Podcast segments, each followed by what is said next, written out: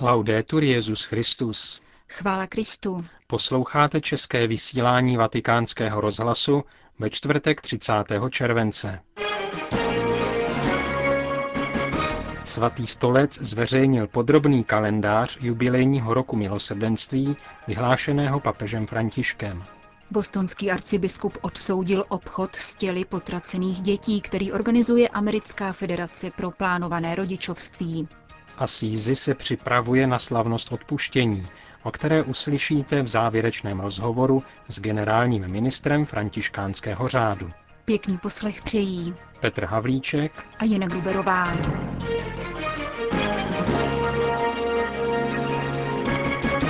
Zprávy vatikánského rozhlasu. Vatikán. Na oficiálních internetových stránkách Papežské rady pro novou evangelizaci, věnovaných jubilejnímu roku milosrdenství, byl zveřejněn podrobný kalendář událostí tohoto svatého roku, vyhlášeného papežem Františkem. Jubileum zahájí otevření svaté brány ve vatikánské bazilice na slavnost Pany Marie počaté bez poskvrny prvotního hříchu 8. prosince tohoto roku. O třetí neděli adventní pak budou otevřeny svaté brány v dalších římských bazilikách a v dalších katedrálách celého světa. V kalendářním roce 2016 budou za sebou následovat jednotlivé jubilejní poutě různých profesních, věkových a duchovních skupin. Jako první projdou svatou branou zaměstnanci poutních cestovních kanceláří, a to v lednu příštího roku. V únoru bude následovat jubileum zasvěcených osob, římské kurie a institucí svatého stolce. Na jarní měsíce se plánují jubilejní poutě pro následovníky spirituality božího milosrdenství, pro dospívající mládež, jáhny, kněze, nemocné a postižené poutníky. Podzimní měsíce příštího roku sebou přinesou jubileum charitativních pracovníků v den zářijové liturgické památky blahoslavené matky Terezy z Kalkaty a dále jubilejní poutě katechetů, ctitelů mariánské spirituality a vězňů. V neděli 13. listopadu příštího roku, tedy o 33. neděli v liturgickém mezidobí, budou uzamčeny svaté brány v diecézních katedrálách a římských bazilikách. Jubilejní rok milosrdenství se spolu se svatou branou svatopetrské baziliky uzavře o týden později na slavnost Ježíše Krista krále. Vatikán. Biznismeni mají plné právo na to, aby vydělávali peníze, avšak nikoli na to, aby k tomu využívali papeže. Komentuje kancléř Papežské akademie věd Monsignor Marcelo Sanchez Sorondo rozhodnutí svatého stolce odstoupit od mezináboženské dohody proti současným formám otroctví. Vatikán byl v březnu předloňského roku jedním ze signatářů dohody v rámci vznikající globální síti svobody, kterou podpořila nadace Walk Free, financovaná australským magnátem Andrewem Forestem. K deklaraci, která se zavazovala vymítit novodobé otroctví do roku 2020, připojili své podpisy také představitelé jiných křesťanských vyznání a dalších náboženství. Arcibiskup Sorondo své stanovisko oznámil prostřednictvím australského televizního kanálu ABC. Právě v Austrálii vyvíjí Andrew Forrest, filantrop a podnikatel, své obchodní aktivity v oblasti těžebního a hutnického průmyslu. Ve své vlasti si ovšem známý miliardář vysloužil kritiky sociálních aktivistů, kteří se angažují právě v pomoci obětem novodobého otroctví. Jeho vidění problému je značně zjednodušené a kapitál se neinvestuje tam, kde by to bylo potřeba, vysvětlila pro televizi ABC aktivistka N. Gallagherová. Jak upřesnila, zájem o oběti pracovního vykořišťování by měl ku příkladu mířit na řešení platových otázek a na posilování role odborů v rozvojových zemích.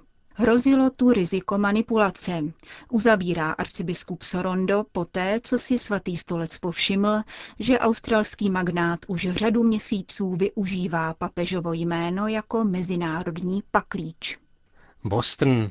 Ve Spojených státech amerických nadále budí rozruch odhalení nelegálních potratových praktik a obchodování s částmi těl potracených dětí. Představitelka Americké federace pro plánované rodičovství která ovšem v rozporu se svým názvem spíše plánuje ukončení těhotenství a provozuje řadu potratových klinik, ve videozáznamu přiznává, že průmysl má zájem zejména o některé neporušené orgány potracených dětí, jmenovitě játra, srdce, plíce a lepku. Na potratových klinikách se za účelem jejich získání potraty provádějí zakázanou metodou tzv. částečného porodu. K videozáznamu, natočenému skrytou kamerou v restauraci u sklenky vína, se vyjádřil předseda výboru pro život Biskupské konference Spojených států, kardinál Sean O'Malley. Potrat je důsledkem ziskuchtivé mentality a kultury na jedno použití, které v současnosti zotročily srdce a mysl mnoha lidí, cituje americký kapucín papeže Františka. Bostonský arcibiskup ve svém prohlášení poukazuje jednak na samotný potrat, který je přímým útokem na lidský život v jeho nejzranitelnějších podmínkách, a jednak na všeobecnou praxi získávání lidských plodových tkání prostřednictvím potratu. Obě tyto praktiky, zdůrazňuje, popírají důstojnost, která přísluší lidstvu a lidskému životu. Kardinál O'Malley doufá, že nedávná šokující epizoda vzbudí veřejnou debatu a upozorňuje ženy, které prožily popotratové trauma, na existenci projektu Ráchel. Zmíněný projekt katolické církve byl založen před více než 30 lety v arcidiecézi Milwaukee a dnes je aktivní ve stovce severoamerických diecézí a dalších zemích. Jeho cílem je přinášet duchovní útěchu ženám, které podstoupily potrat. Jméno iniciativy se vztahuje ke slovům z písma.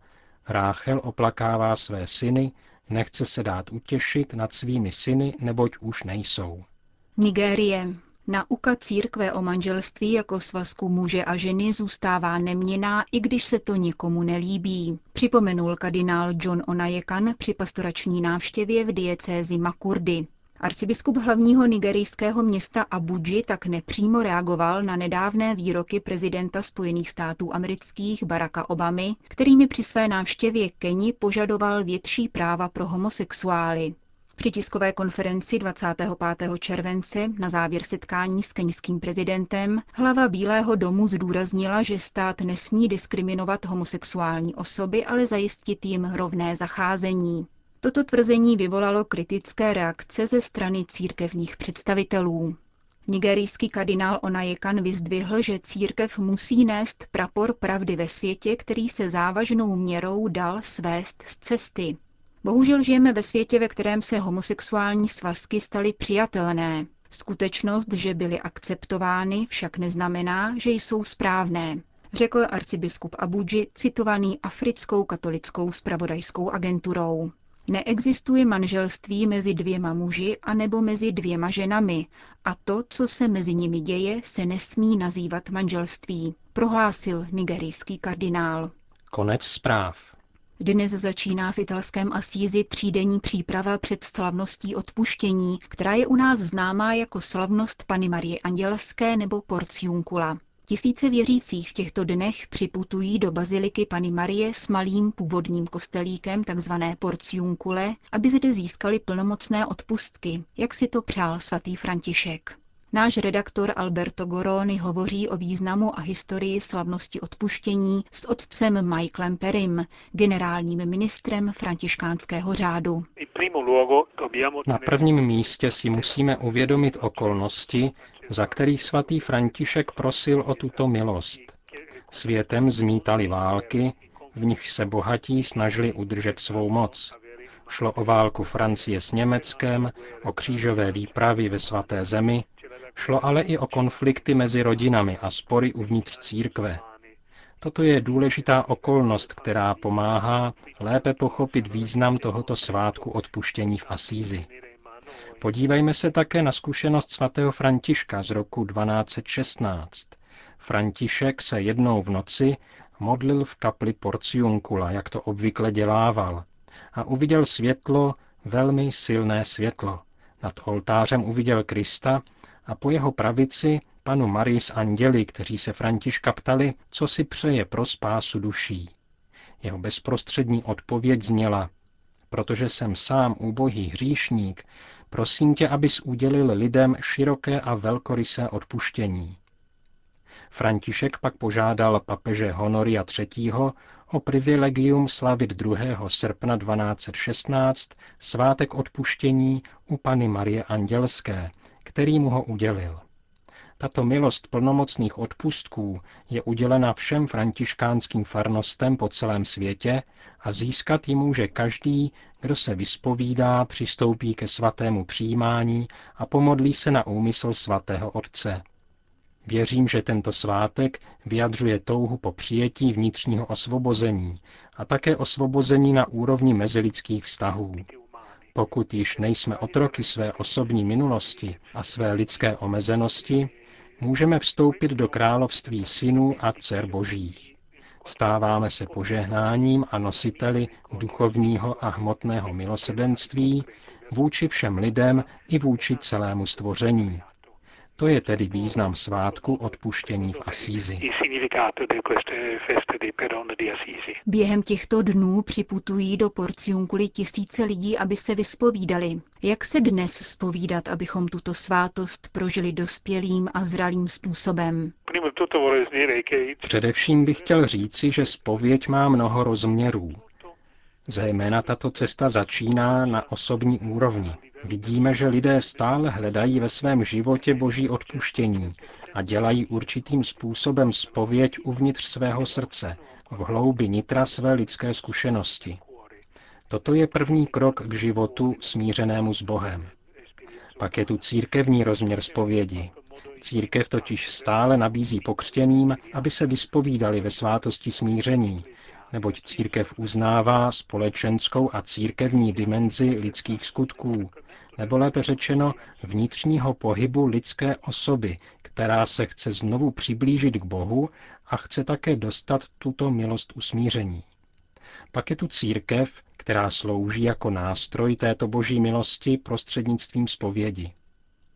Františkáni po celém světě dnes vidí rostoucí počet katolíků, kteří chtějí přijmout tuto milost svátosti smíření. Před několika dny jsem byl v Chicagu a předtím ještě v Ázii a slyšel jsem, že je dnes více křesťanů, více než před pěti či deseti lety, kteří znovu začali chodit ke zpovědi a prosí o požehnání, odpuštění a možnost začít znovu svůj život. K tomu je ovšem zapotřebí zralého obrácení. Církev musí křesťany formovat k tomu, aby překonávali tradiční způsob, jak se spovídat, totiž aby jen neodříkávali povrchní seznam skutků, ale naopak hledali kořeny svých hříchů a svého otroctví. A také myslím, že je důležité představovat tuto svátost jako zkušenost opravdového osvobození, obrácení, usmíření a radosti. A také je třeba pomáhat křesťanům v tom, co papež František řekl při vyhlášení roku milosrdenství, totiž spovídat se a pak jednat a přinášet ovoce milosedné lásky a spravedlnosti v dnešním světě. Papež František řekl, že půjde o dobu milosrdenství. Co to znamená pro církev? Všechen čas našeho životního příběhu je dobou milosrdenství. Máme velkou radost, že papež František vyhlásil tento jubilejní rok. Avšak zdá se mi, podle toho, co řekl již při jiných příležitostech, že tento čas milosrdenství není omezen pouze na tento milostivý jubilejní rok. Smyslem tohoto údobí je, abychom se stali lidmi, kteří žijí z božího milosrdenství a kteří se o ně dělí se všemi lidmi kolem sebe a šíří ho do celého světa. Máme se stát misionáři milosrdenství a prohloubit tuto zkušenost odpuštění v našem životě. A pak se můžeme stát konkrétním znamením pro dnešní svět, který hledá usmíření a milosrdenství. Řekl našemu rozhlasu generální ministr řádu františkánů otec Michael Perry. Končíme české vysílání vatikánského rozhlasu. Chvála Kristu. Laudetur Jezus Christus.